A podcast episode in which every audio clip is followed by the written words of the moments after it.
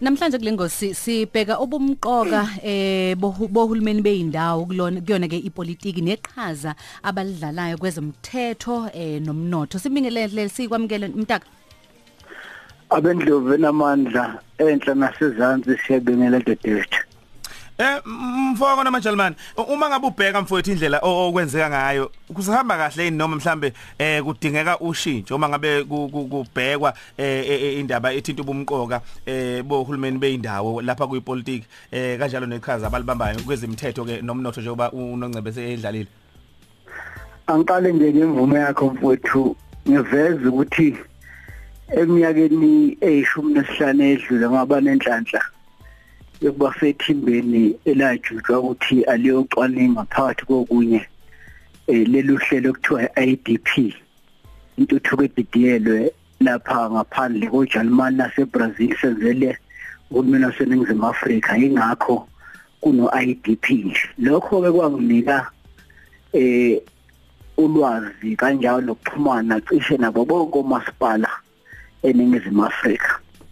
Eh lenkulumo ke ngiyethula namhlanje ngiyethula emva kokuqonda lelo qiniso kanjalo nocwaningo silenzayo nje basikhuluma nje.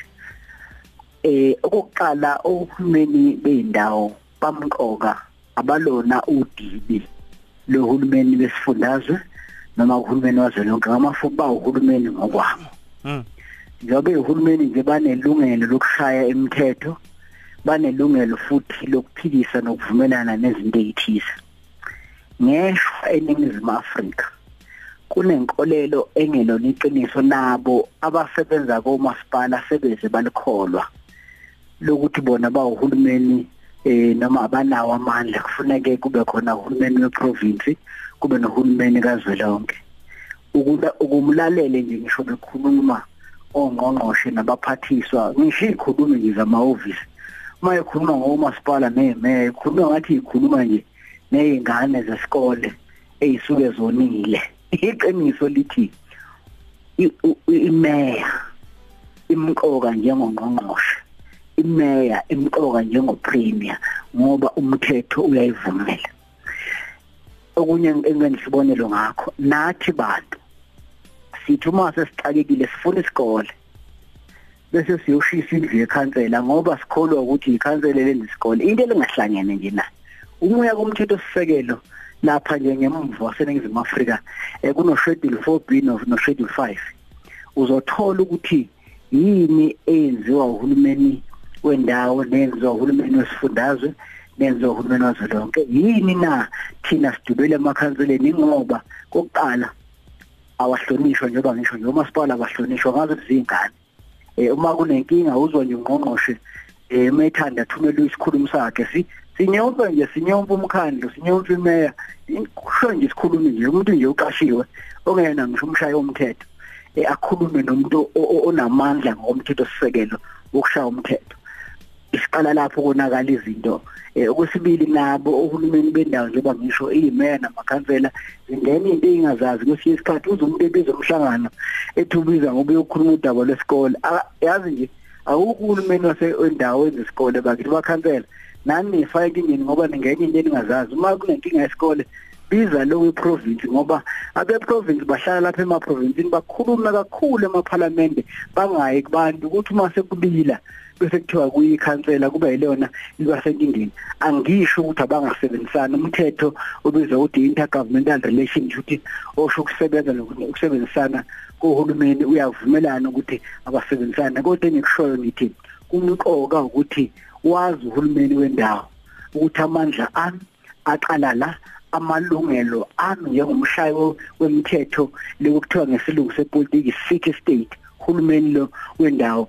Amandla amaqala la agcina la nake ngizokukhuluma nayo ngeke ngikhulume. Kanjalo nongqongqoshe ake bazi bafunde ukuthi amandla abo aqalaphi okugcina nje eh la ngiyangibona khona ngathi uhulumeni wendawo wenzelwa phansi. Kunalabani naleli office ekuthiwa eh auditor general. Angazi ke abantu balisabani ngoba ihhovisi nje eh, elimqoka elibheka ukusebenza kwemali. Kodwa hey uma ufunda izinto abayibhala ngomasipala uyabona sekukudelela ke lokho. Akusabhala umuntu la ohlonipha eh ukuthi lo umunye uhulumeni lo umunye umnyango. Sekuyayibhalelwa nje omasipala lithe lami angisho ukuthi dlanini imali laba edlayo baboshwa. Kodwa kunezinto ekufuneka enidwebe umuqa kuzona eh asakuthathwa njengokulungisa sekukhulunywa nani engathi niyinto nje engenawo amandla kanti amandla amakhulu eh mhlawumbe ngesimilo zayo ngemvume yakho singangena ekushone amandla ukuthi agcina phi aqala kodwa amandla eninawo njengomasipala makhulu kabi kuba yinini enisondelene nathi yinini enobuso kahulumeni. Empeleni abanye abantu abamazi ngisho ngqongqoshe abamazi ngisho umphathiswa bazikhansela bazimeya. Ngakho sesifikile isikhathi eningizimu Afrika ukuthi eh sinisele lokuthiwa i-city state okusho ukuthi uhulumeni lona wendawo ngoba eminyakeni eyishumi umhlaba wonke usuzobheka kakhulu hayi ukuthi uhulumeni kazwelonke wenzani hayi ukuthi uhulumeni wesifundazwe wenzani sekuzobheka ukuthi ngabe uhulumeni wendawo wenzani. Ngakho kuyafuneka eNingizimu Afrika siyilungiselele kanti futhi nathi esingabaholi kule kule mkhakha kahulumeni sikwazi ukuyicija ngamakhono okwazi ukubheka kodwa lokho kuqala ithini nathi ke thina singamaqembu epolitiki sithumela obani ngoba kufuneka uthumele nje umuntu ngoba ungekho umsebenzi ukuthi akayoba ikhansela ngoba usexoshiwe kubenini abe member yeparliament. Bese kuthiwa kunjani lapha emakhanseleni? Cha thumela abantu abaziyo ukuthi nabo banamandla futhi kulindelekile ukuthi bashaye umthetho njengamalungu eParliament nabo babamalunga esishamthetho esigabeni sohulumeni wendawo. Sifikile isikhathi sokuthi asuhloniphe lehulumeni nawo futhi uyihloniphe. Nabaqashwa khona bazi ukuthi basebenzela hlaka olunjani kahulumeni. Yiyo ngithi ke ngenxa yesikhathi mhlawumbe ngesenzo ukuthi kulunguza ukuthi konje amandla abo aqalaphi agcinaphi. Mm.